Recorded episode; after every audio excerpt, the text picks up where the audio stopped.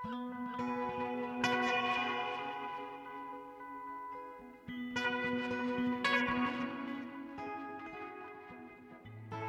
Vísjá í dag friður, biotek og dans.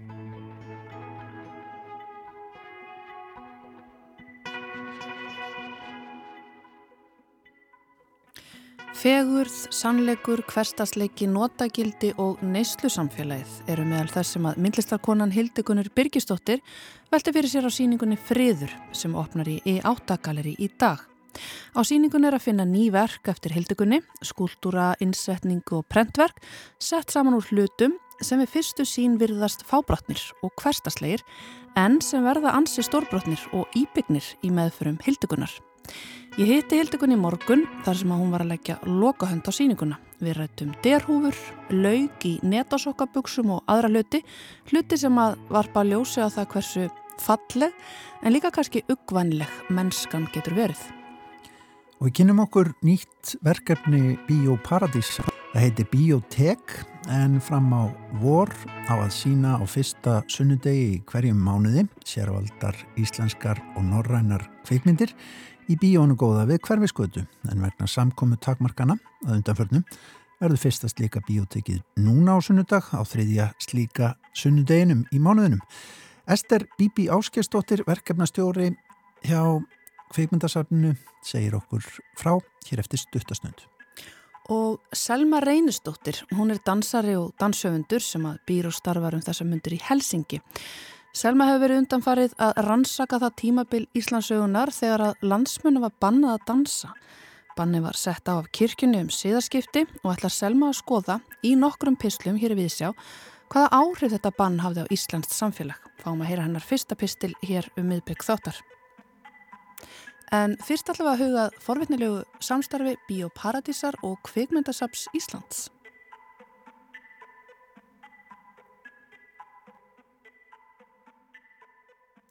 Kvikmyndasafn Íslands og Bíóparadís er að hefja samstarf já, sem hefst núna bara á sunnudaginn en á fyrsta sunnudegi hvers mánadar, núna fram á sumar allavega, á að búa til eitthvað sem heitir Bíótek, Bíótekið og það er Ester Bíbi Áskestóttir, hún er verkefnastjóri hjá Kvikmyndasafni Íslands, er þar verkefnastjóri söpnunar og miðlunar. Ester, hvað er Bíótek? Um, Já, það er svona viðbyrðaröð sem við erum að fara að stað með uh, með því að svona kannski opna á kveikmyndaarfin okkar. Bæði nýjuppgerðar myndir sem við höfum, við höfum gert upp en líka það sem bara framlegendur sjálfur hafa gert upp. Um, Við viljum bara að fólk muni eftir öllum þessum gullmólum sem hafa verið gerðir og, og fá að upplifa þær aftur í bíó. Einmitt.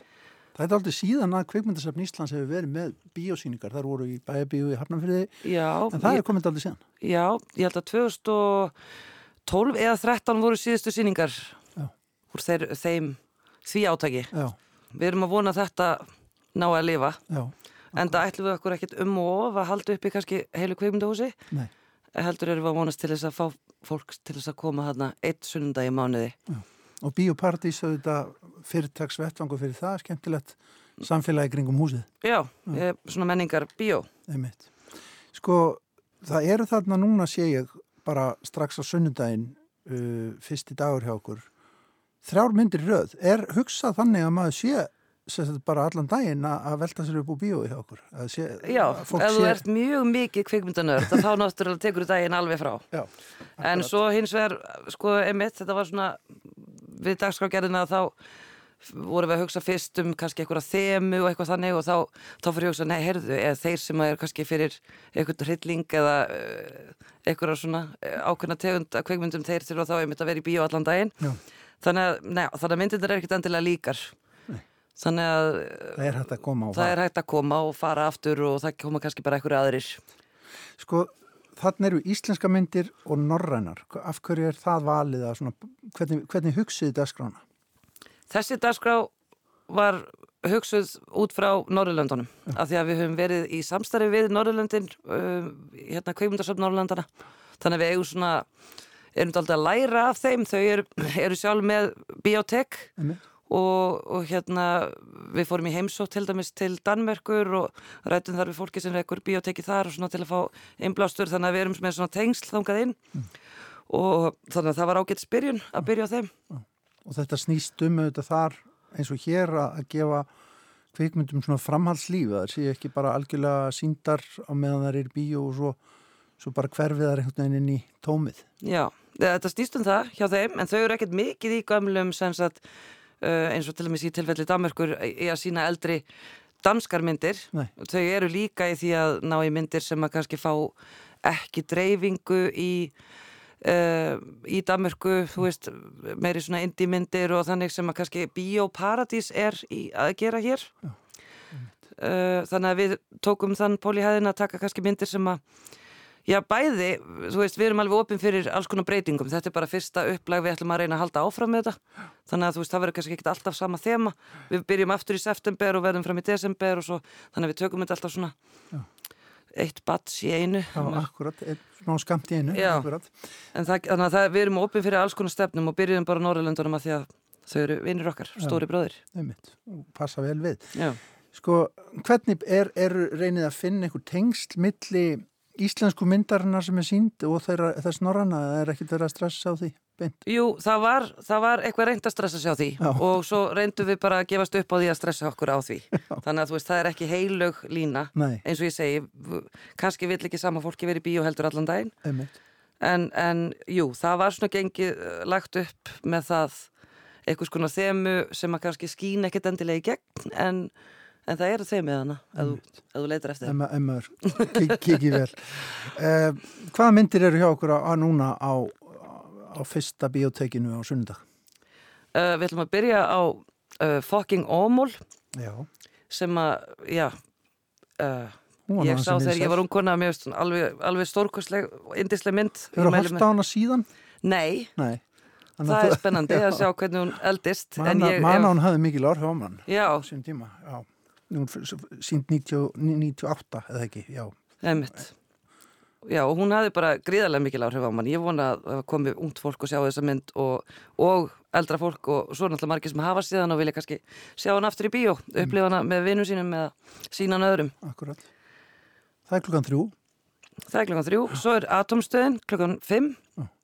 og hérna og hún er uppgerð af, af framleiðendum og, og mjög fín ja. Og eftir þá mynd að þá ætlum við að fá hérna, Þorsten Jónsson leikstura Já. myndarinnar til þess að segja okkur eitthvað sniðust frá tökumyndarinnar eða gefa okkur eitthvað einsýn sem við höfum ekki fyrir eða aðra sína myndina Svona spurningar og svör, klassist, Já. svona eins og kveikmynda á þeim Og með honum ætlum við að hafa Haldur Guðmundsson Ritthöfund sem er sérfræðingur í Haldur í Lagsnes og hann getur kannski komið eitthvað enn aðra sín. Já, akkurat. Það er ekki bókina út og innu þetta. Já. Já. Og svo er kvöldsýning. Já, og þar hérna, við ætlum að vera með smá veitingar fyrir hana. Uh, já, hún heitir Jag er ný, nýfíkinn á sænsku. Okay. I am curious.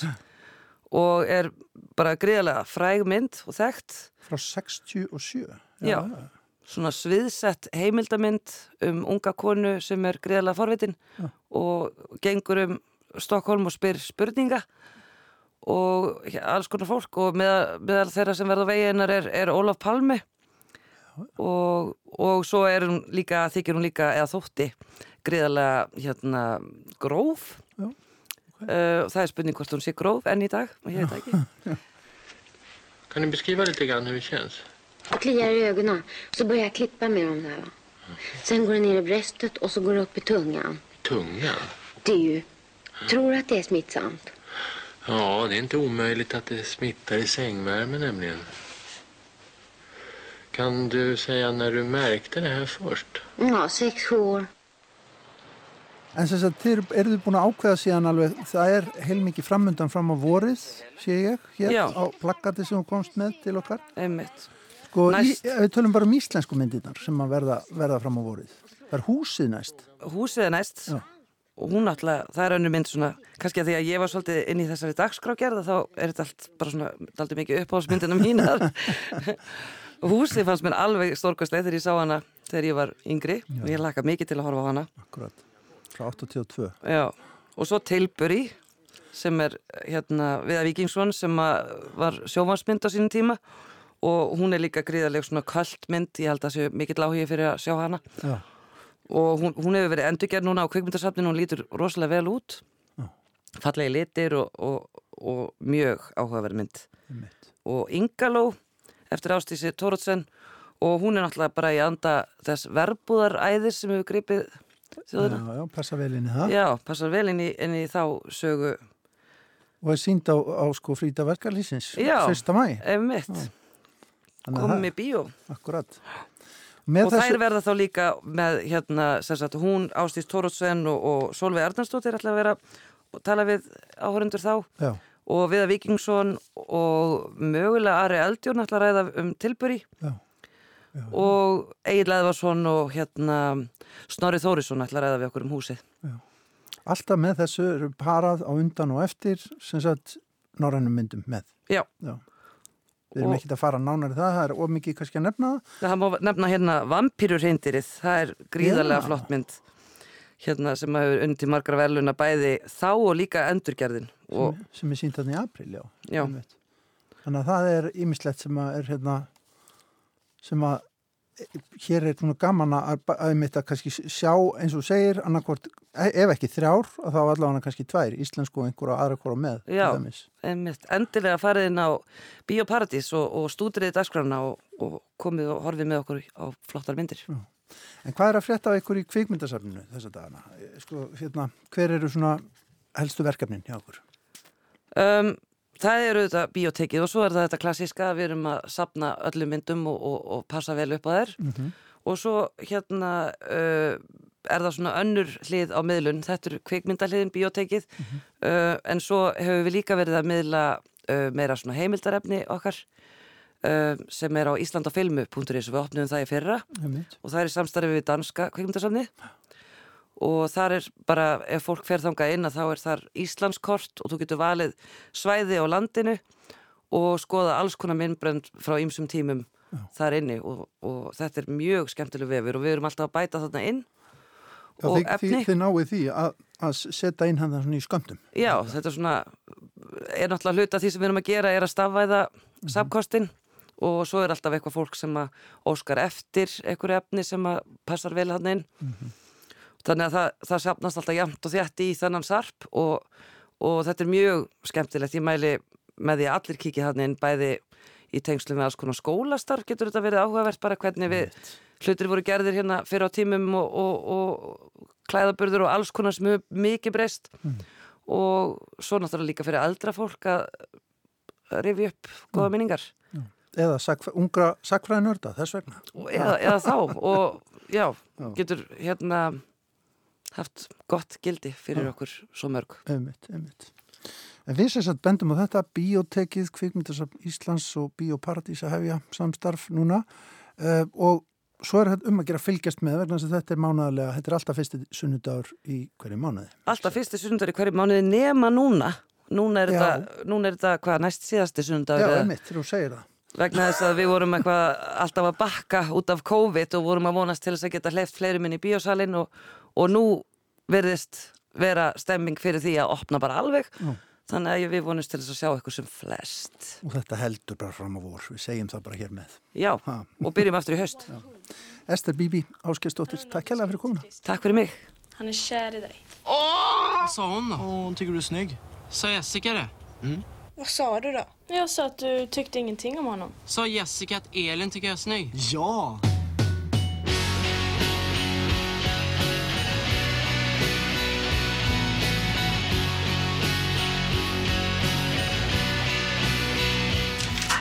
Bo i fucking jävla kukhål? Vad tycker du? Är hon snygg eller? Sådär. Ganska. Smá hljóðbrót hér úr fokking omul sænsku myndinni sem að verður sínd í biotekinu á sunnudagin. En við skulum fá aðeins sænska tónlist. Þetta er eh, Polkin hans Níls frá Laplandi. Það eru básónleikarin Níls Landgren og píjónleikarin Esbjörn Svensson sem að leika. Thank you.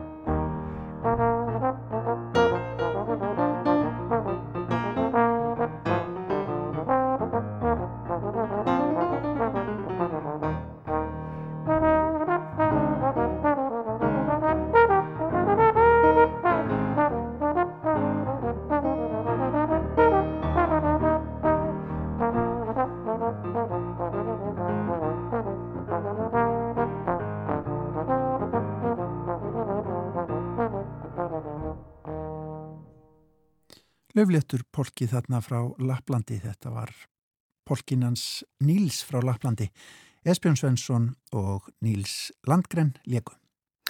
En þá er komið að nýjum pislahöfundi hér í Vísjá. Selma Reynistóttir, dansari og dansöfundur sem að býr í Helsingi, hún hefur verið að velta fyrir sér dansbanninu og þessu tímabili Íslandsögunar þegar ekki mátti dansa. Banni var sett á kirkjunum síðaskipti og Selma ætlar að skoða í nokkurum pislum hér næstu vikunar hvaða áhrif þetta bann hafði á okkur. Gjör svo vel, Selma. Ég er stött í góður að vinna hópi heima hjá vinkonu minni á laugardagskvöldi.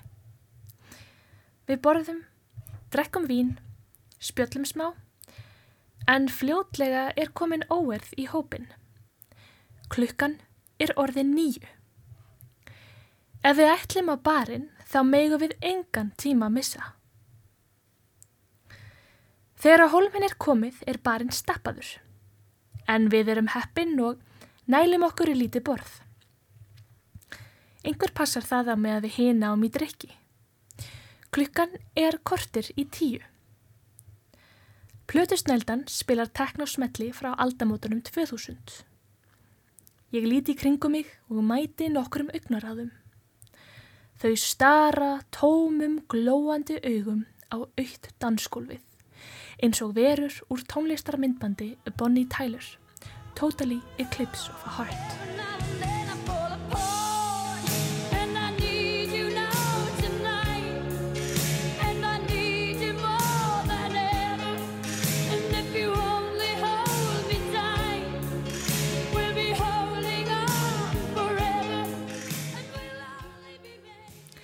Við setjum sniður, plötusneldan heldur áfram að spila hvern nostalgískan smellin á fætur öðrum.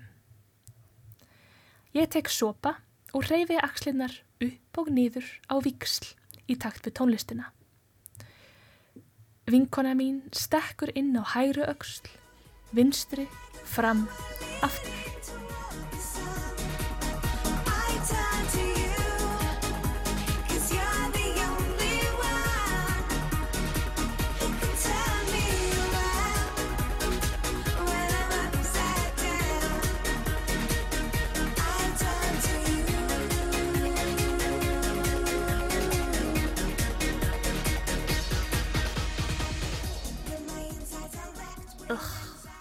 Hugsa ég. Ég trúi því ekki að ég sé að sætta mig við stóladans. Ég sé að vinkona mín er að hugsa það sama. Við lítum í kringum okkur og störum á aukt dansskólfið eitt augna bleik. Hún halla sér að mér og hrópar yfir tónlistina. Það myndaðist bilað dansskólf hérna í gær klukkan halv tíu. Það gerist eiginlega aldrei tvö kvöld í röð. Djöfull. Ég hefði átt að vera hérna í gær. Klukkan er að verða kortir yfir tíu. Það gerist ekkert úr þessu. Klukkan hálf ellifu byrja Rikki Martin að syngja Livin Davida Loka.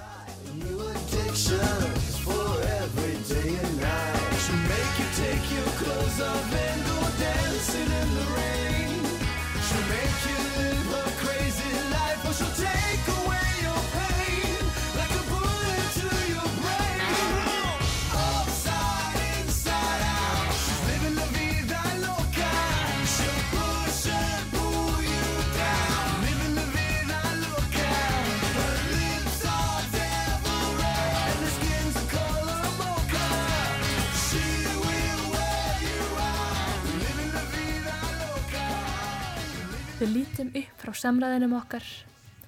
Yes! Hópur túrista er farin að mynda dansgolf. Þau kannast ekkert við þessa tvö kvöldi röðreglu. Við bætumst í hjörð dans fyrstra augnaráða sem stara eins og hungraðir úlvar á neistan sem kviknar á dansgólfinu. Klukkan eru 25 mínútur í 11. Dansgólfið er stappað. Það byrjar með nokkrum mjadmarsveiplum, hlýðarskrefum og axlar yppum. Fötunum fækkar. Engver er í spreng og þarf að hlaupa á klósitið. Nýtt lag. Annar baðar út höndunum í volaði. Þetta er lægi fyrra. En hvert fór nýna? Einhver annar reynir að hoppa í skarðið. En það er ekki eins.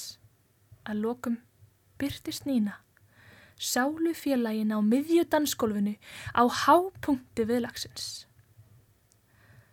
Allsælan smitast eins og ómikrón veiran um dansgólfið. Þau dansa tilfinningaþrungin dans með tilheyrandi handarhefingum sem bera sögu langrar vinóttu. Asjúreisan, útskriftin, ástarsorgin, Berlínar sumarið. Að lokum heyri ég út undan mér Ég þurft að hlaupa úr klósitröðinni. Þetta er lægið okkar. Allir halda áfram að dansa. Meiri sviti, önnur bylgja af allsælu. Klukkan er kortir í ellefu. Ljósinn blikka. Taktföst danstónlistin fjarlægist á ógnar hraða og mjúk sveibla teku við.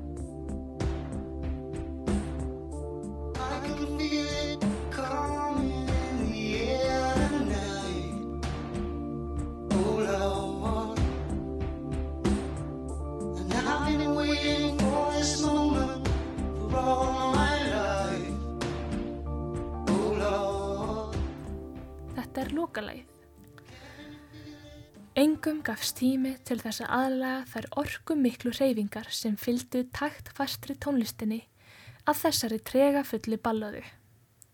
Flestir standan og alkulegir á dansgólfinu úr takti við þau bóð og bönn sem stýra þessari loka sveiblu.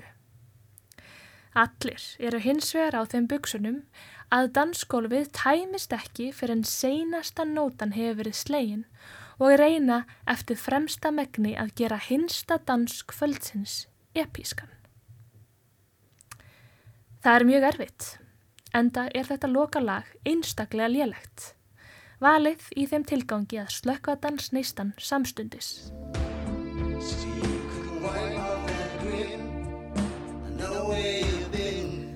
Klukkan er tíu mínútur í allefu.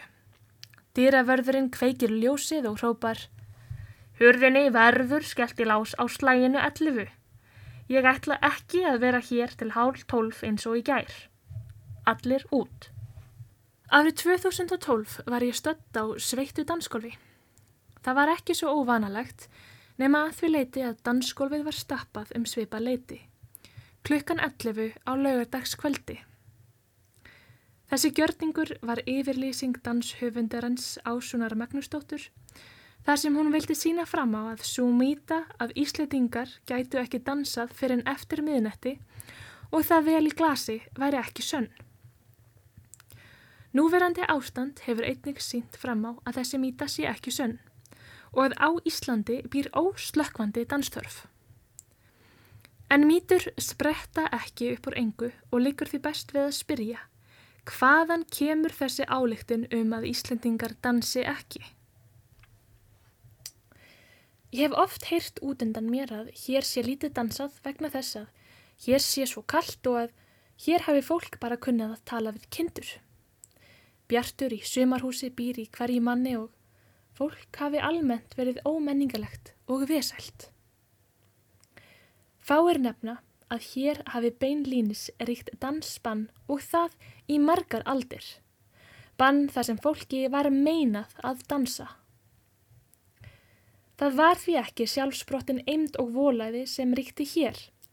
Heldur bannaði kirkjan allar skemmtanir sem fólk hafi fundið upp og skipulagt til þess að bæta andlega hilsu og stitta sér stundir. Heimildir eru fyrir því að hér áður fyrr hafi kirkjur verið nýttar fyrir dansleiki þar sem fólk kom saman á veturnar til þess að létta lundina í skamdeginu. Skriflegar heimildir benda til þess að þá hafi jafnvel verið dansað fram að nótt.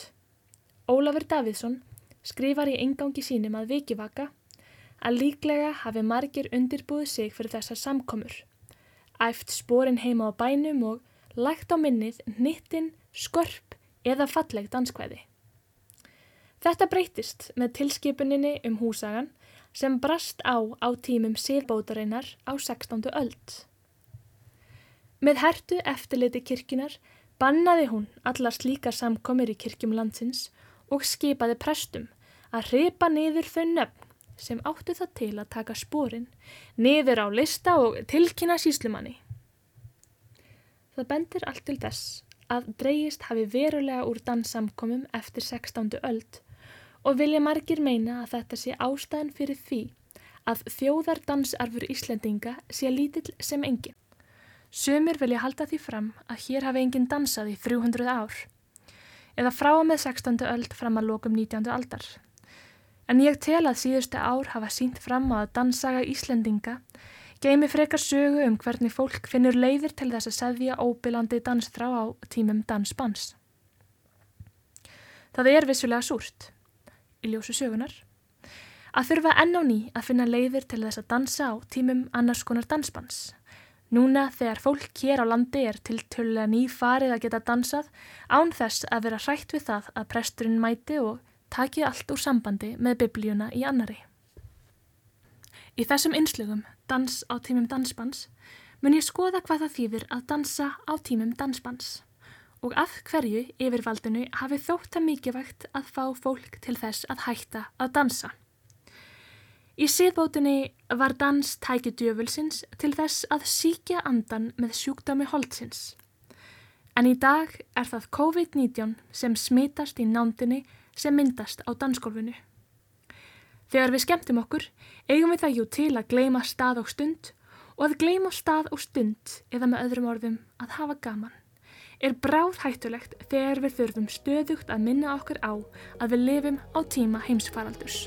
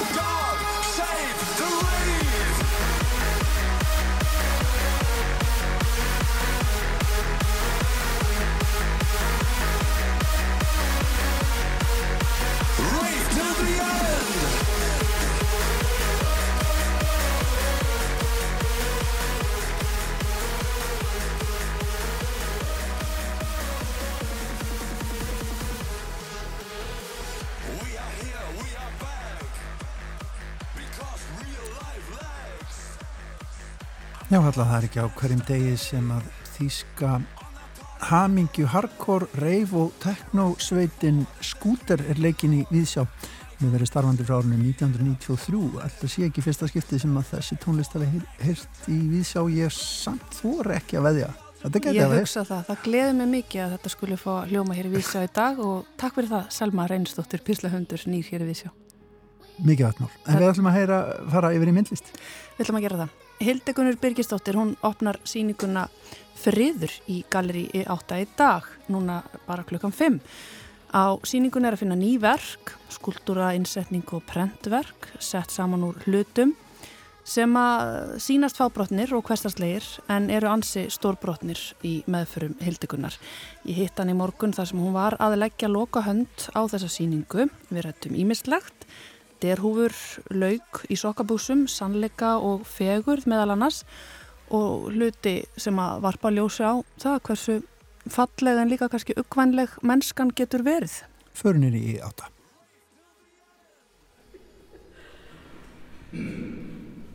Hér er bara verið að, að vinna, Hildigunnur. Hljómburðurinn er aldrei svona Bagalegur. bagalegur en við sættum okkur við það og vonandi hlustandi líka. Við erum státar hérna inn í, í áttagalleri, Hildigunnur Birgisdóttir. Það eru nokkru klukkutímar í ofnun. Já, þetta er alltaf smalla. en... Hvað er verið að setja hérna í veggin? Hvað er í gangi? Niklaus er að búa þetta til eitthvað sillu og hún er búin að vera í þróun í svona, hvað eru við að tala um, fjóra daga, það ekki? Svo leiðis. Þrjá, fjóra daga. Við erum einhvern veginn að reyna að finna út í hvernig hún á að líta út en þessi auðvíkinn silla á bara að halda einum skúldur á lofti fyrir mig. Þannig að þú veist, hún er ekki beint aðalatriði en nú erum við búin að eða svo miklu, við erum örgulega búin að eða meiri tíma í þess að sillu heldur um verki sjálft. Þannig að þú vorum að ræða við Niklas hvort við ættum að skýra þetta verk eitthvað annað og hafa bara þessa sillu. Já. Sillan verður samt eiginlega óneitanlega hluti af verkinu eða hvað? Já, hún er alltaf hana, hérna, það er sögn í þessari sillu. Ég myndi segja það.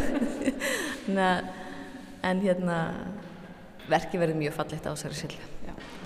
Við sjáum það ekki enn, en við erum kon, það er samt mest allt komið hérna upp. Við erum hérna að ganga, en mér liður eins og ég sé að ganga, eins og ég sé komið inn, inn í eitthvað prógram eða inn í tölvu eða inn í hugan á þér. Þetta er innsetning sem við erum að ganga í lunn. Já, allavega sko þá kannski, þá er staðsetning hlutana svolítið svona krefjandi að einhverju leiti. Það er ekki mikið þetta, ég svona, ég er búin að vera, það er aðal sigurinn minn í þessari síningu að vera bara með lítið uh, og ég hérna, þurfti ekki að setja neitt á alla veggina. Það var eitthvað svona sem var voðalega gott. Ég þurfti ekki að maka það út í einhverju eða búið til eitthvað ofbæslegt kerfi í kringum þessa síningu. Heldur komu verkinn svolítið til mín og er búin að vera að koma til mín bara frá því að ég hérna, um, vann að síningu sem að hétt Íðavöllur og var í hérna Lísafni Reykjavíkur að það var svona síning sem að ég hafði jæfnvel hugsað mér hér og í framhaldi að þá bara koma til mín þessir svona skúltúrar og þessi verk. Að því gegnum tíðina hef ég oft verið með svona mikið hugmyndakerfi í kringum síningarna mínar og hérna þar eru svona hálfgerð kerfi í sjálfur sér, síningarnar en núna er einhvern veginn eins og mér líður eins og að kerfið sé orðið innvortis í skúlturunum og verkunum og innsetningunum þannig að ég leiði þeim bara að, að vera þannig að ég þarf ekki að byggja kerfi en eins og þú segir að það er samt einhver stemning þegar maður kemur þetta inn svona, eins og maður sé að ganga inn í eitthvað mm -hmm. og það held ég að sé svona bara uh, staðsetningin á hlutunum að hlutir eru ekki endilega að ganga inn í svona hefbundi listkerfi, við erum í sko ofbóðslega hefbundum listkerfis sál, bara þessum kvítakupp en ég er svona búin að aðeins að leggja mig fram við að hérna, segja akkurat eitthvað með mjög litlu.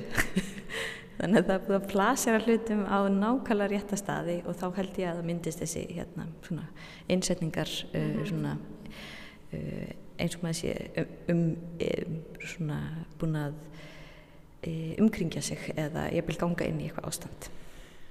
Já, við erum hérna umlugtar auðvitað verkonum, já, það er eins og, já, einmitt, eins og maður sé gangi inn í eitthvað ástand, en samt er svona, nú verða hlustandraugilega að fá að sjá, að heyra hvað við erum að horfa á, en það er samt eins og maður sé gangi inn í eitthvað skonar upplaust kannski út af því hvernig þú ræðar hlutunum, ég veit það ekki. Já, já, einmitt, þeir eru, þeir eru svolítið á skjön hlutinir og, og og kannski hjálpar það líka til að þetta eru e, mikið til hlutir sem við könnumst við. Sem að könnumst við bara við, aðra þekkju við. E, en þeir hefa tekið á sig nýjan skala. Þannig að e, það náttúrulega er alltaf smá svona um, hvað maður að segja hérna auðmyggjandi fyrir manneskuna að upplifa sig smáa. Og hérna eru hlutir sem hafa verið settir í yfirstærð. Og ég veit ekki hvort það sé að því ég er lítill kona þá hérna þá upplýja ég þessa smæð hverjum degi kannski ekki þessa yktu smæð sem er hér í gangi en, en hérna já, mér finnst gaman að dvelja í þessu hérna, þessum brenglega skala mm -hmm. um, og hann þú veist, ég held að það auki meira á það að maður, sé, maður finnir fyrir upplöst, það er eitthvað að breytast það er eitthvað, þú veist mm -hmm. og einu svona hérna referensarnir eða tilvætnarnir sem maður hefur er einhvern veginn í bíómyndunum af því að maður hefur kannski ekki raunverulega upp að minga en maður hefur kannski séð einhvern minga í bíómynd og það, það ver, verður svolítið sínematist næstu því mm -hmm. En það er svona ákveðin stemning, uh, þeir sem að þekkja verkiðin uh, finna fyrir svona þínu handbræði hérna inni held ég og eins og þetta þú ert að tala um að sko skala hluti og veita hlutum aðtegli sem vannalega við veitum ekki aðtegli. Svona, já, varpa ljósi á eitthvað í hverstasleikunum sem við kannski vannalega erum ekkert að spá í.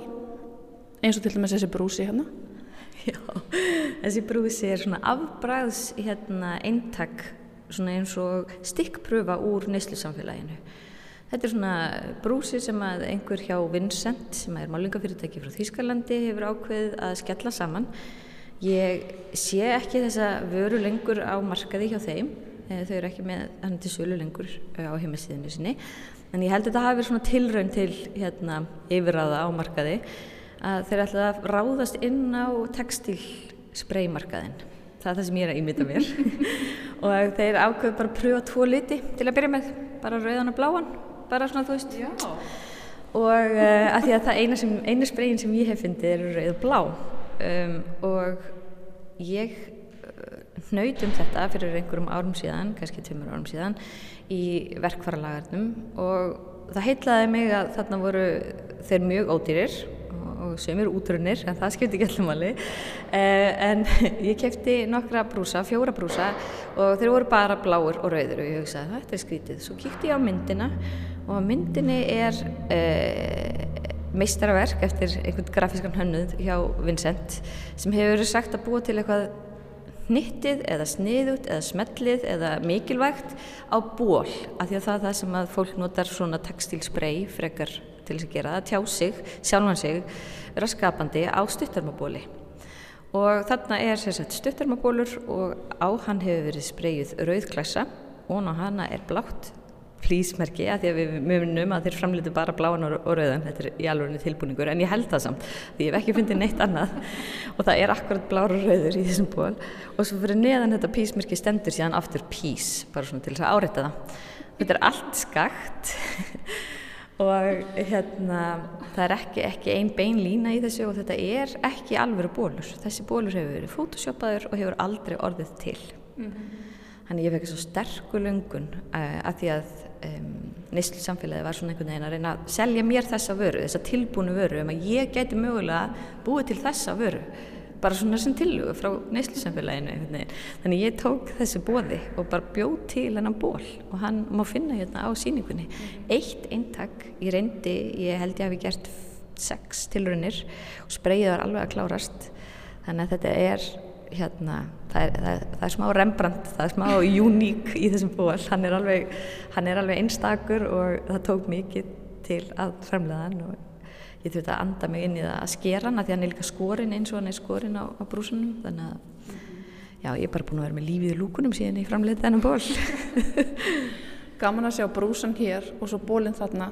Og hér höfum við alla þessa sögu á milli. Þessi brúsi er eiginlega eins konar gullmóli Mér stútt aldrei vera svona gullgrafari nýslu samfélagsins. Já, ég, ég bara myndi segja að þetta veri akkurat lýsing á mér. ég vakna bara hress og kátt á hverju matnu og bara, jæja, hvaða tonn hefur nýslu samfélagi framleitt fyrir mig í dag? Ég þarf aldrei að vera sko, áhyggjufull um að það sé ekki meira efni til eða, og þetta er allt, og það er að búið að framleiða þetta allt. Ég þarf eiginlega að lítið að gera, að fara á stúfana. Annað sem að tengist því er þessi skúldur hérna sem við erum að horfa á. Þetta er, er þetta ekki endertakkin? Jú, það kannan þú skildið þekkjan. Því hann er jú alveg takk sem að margir nota hverjum degi á leiklaborðinu sínu. Þessir takkar eru samt aðeins öðruvísi. Þeir eru náttúrulega reysa stórir og eins og bróðum minn sagði, vá, stór tölva. Þegar hann sá þetta, þá sá ég bara fyrir mig space barinn og bara hvernig ég myndi hlaup á milli til að skrifa nafnum mitt sem ég gegja og mér finnst líka komaði að til einhver sem að hefur hérna einhvern laghendan að þú veist svona space takki var í frábær bekkur. Space, tilla sér lítil rauf svona, já, já það er framtíðin fyrir einhvern, ekki mig. En endur takki er þetta svo sannlega uh, og, og, og það er svolítið skemmtilegt að því þetta verk er í skala en það er af öðrum ástæðum heldur en hínverkin sem eru hérna líka uppstekkuð í annarlegum skala og saga þess að endurtaka kemur frá því að ég var að sína fyrir hann Birgi vinn minn sem að rak og rekur Galeri 007 í Hefnafjörði þar sem hann flytur út úr íbúðinu sinni og, og býður fólki að sína í íbúðinu og hann gerði það um árið og ég fekk að sína hjá hann svo fór hann að stað með verkefni að sem hann skalaði niður íbúðinu sína og gerði steipumódel af henni. Og bauð mér að sína í módelinu og ég fór náttúrulega bara á yfirsnúning og langaði að fylla hann af litlum barbískúltúrum og ég setti lítinn endertakka inn í hann og það var fullkomið, bara ender og þetta er íbúð og, og, og hérna, mér sé að lægið á íbúðinni leit út þessu endertakki, bara skipulægið, þannig ég var bara allsæl en svo þurfti ég að hrista upp í sjálfur mér og segja bara þú getur ekki gert þetta. Og hérna og ákvaðum vinna öðruvísi með skalan og fór í öfuga átt. Þannig í staðan fyrir að sína lilla sæti skúltúra inn í lilla sæti íbúðinni að það tók ég sama skalan og stækkaði endurtakan upp og tróðunum hún í lilla mótilið þannig þetta, þetta verk sprettur þaðan frá þeim stað. En það sem að ég auglýsti eftir gráum endurtökum sem eru náttúrulega gamlir af því að í gamla daga voru gamla daga í æsku minni þá voru hérna e, og það er ennþá verið að nota þau út um allan bæ e, samt alltaf minna minna þá e, voru líklega bara alltaf grá eða beige eða svona einhverjum svona off-white lit.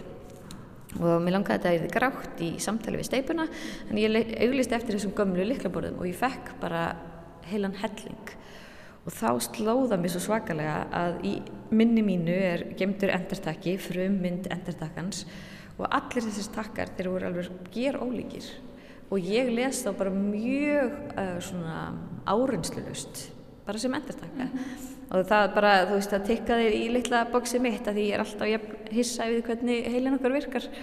Þannig að, og, og sko fyrir þetta þá þegar maður ígir það og stækkar þá ígjast, ígist munurinn á þeim, þú veist, þá sér maður ennþá betur litin, maður sér hvað örfarnir eru gjur ólíkar og svo sér maður hvað þetta er fallegt form. Akkurát og hérna, þannig að Það er mitt líka eitthvað sem þú kannt að gera, þú veist, finna fegur í hlutum sem við erum ekki vön að taka eftir og kannski fá okkur svona alltaf, já spóið það bara, af hverju okkur finnst hlutinni fallegir og af hverju finnst okkur hluti sem við notum dagstaglega og eru fjöldaframlitir ekki fallegir? Og af hverju er notagildi í þessum hlut? Akkurat, ég held að sko hérna, já ég sé bara mjög ofta að velta þessu fyrir mér. Og ég náttúrulega bara þegar, þegar ég sé eitthvað sem ég er ljótt þá verð ég mjög heitluð að ég bara uh, þú veist hvaða gildi, hvaða kerfi liggja baki því að ég sé með þetta fegunamatt mm og eh, svona þessi hýrarkía uh, og gildismat það bara er mér mjög hugleikið og verkin eru oft sko meðvitið um þetta hýrarkí og eru jafnvel sko meðvitið um að þessi og allt í norðin listaverk en voru jafnvel eitthvað annað áður. Að ég, ég reyna einhvern veginn að, að, að binda það inn í verkið þannig að, að segja þessa sögu.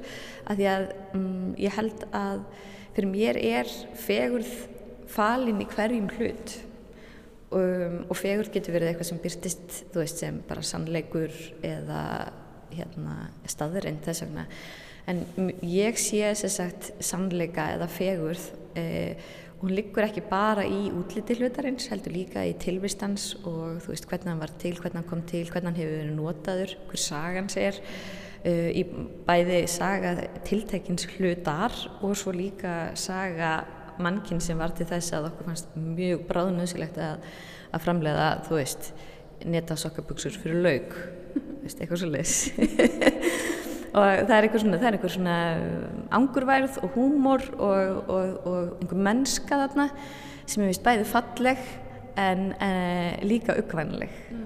Þú veist, að því við erum komin á þennan stað og þessi síning hérna, hún hérna hún hétt svona vinnutitillin en það var svolítið bara já, hérna eru við, hingar eru við komin einhvern veginn þetta er, er niðurstaðan krakkar en hún náttúrulega bara gati ekki hérna litið framhjá þessu frábara um, titli á verkinu Pís eða Friður ég roðnaði sko alveg, hún heitir sérst Friður þessi síning, ég roðnaði alveg í svona tvær vikur eftir ég ákvaði að hún ætti að heita Friður því að það er bara næst í vandræðilegt að segja Friður Friður er orðið orð eða Pís er bara orðið svona útopísk hugmynd og maður er bínu næf ef maður er eitthvað að berjast fyrir friði.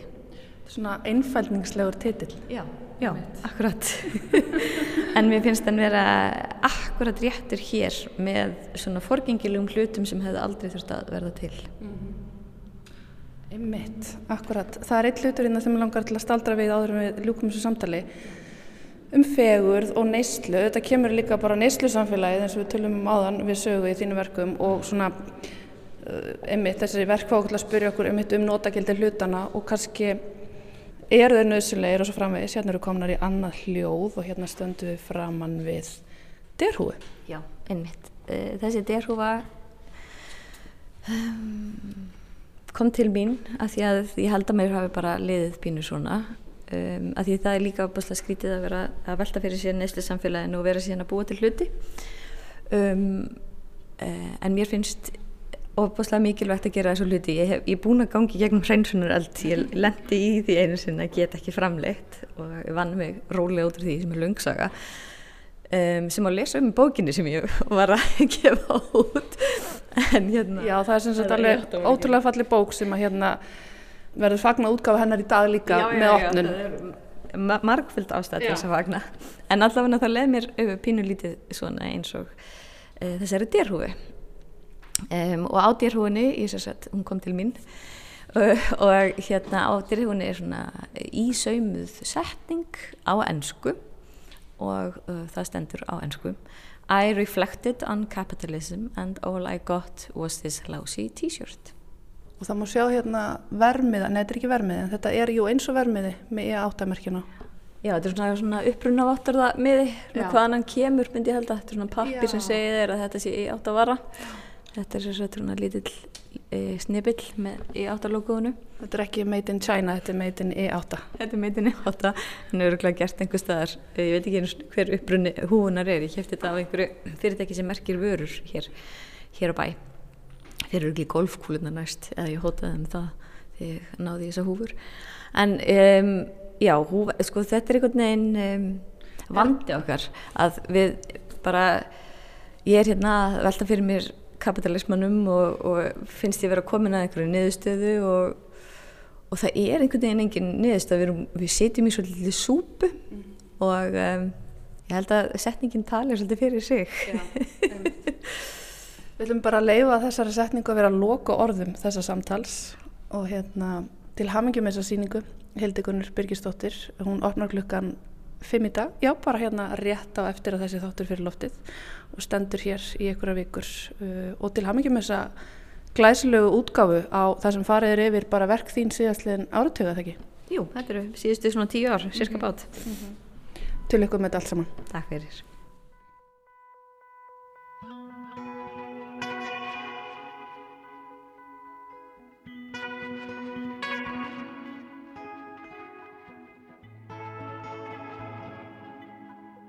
Á heimsókn okkar í E8 líkur við sjá í dag, þetta var Hildi Gunnur Birgistóttir sem að er bara að fara að opna eftir örfáar mínútur nýja síningu í galerínu nýri við Tryggvagutu. Akkurat síningu sem að óættir að mæla með. Takk fyrir samfélgina í dag og verið sæl.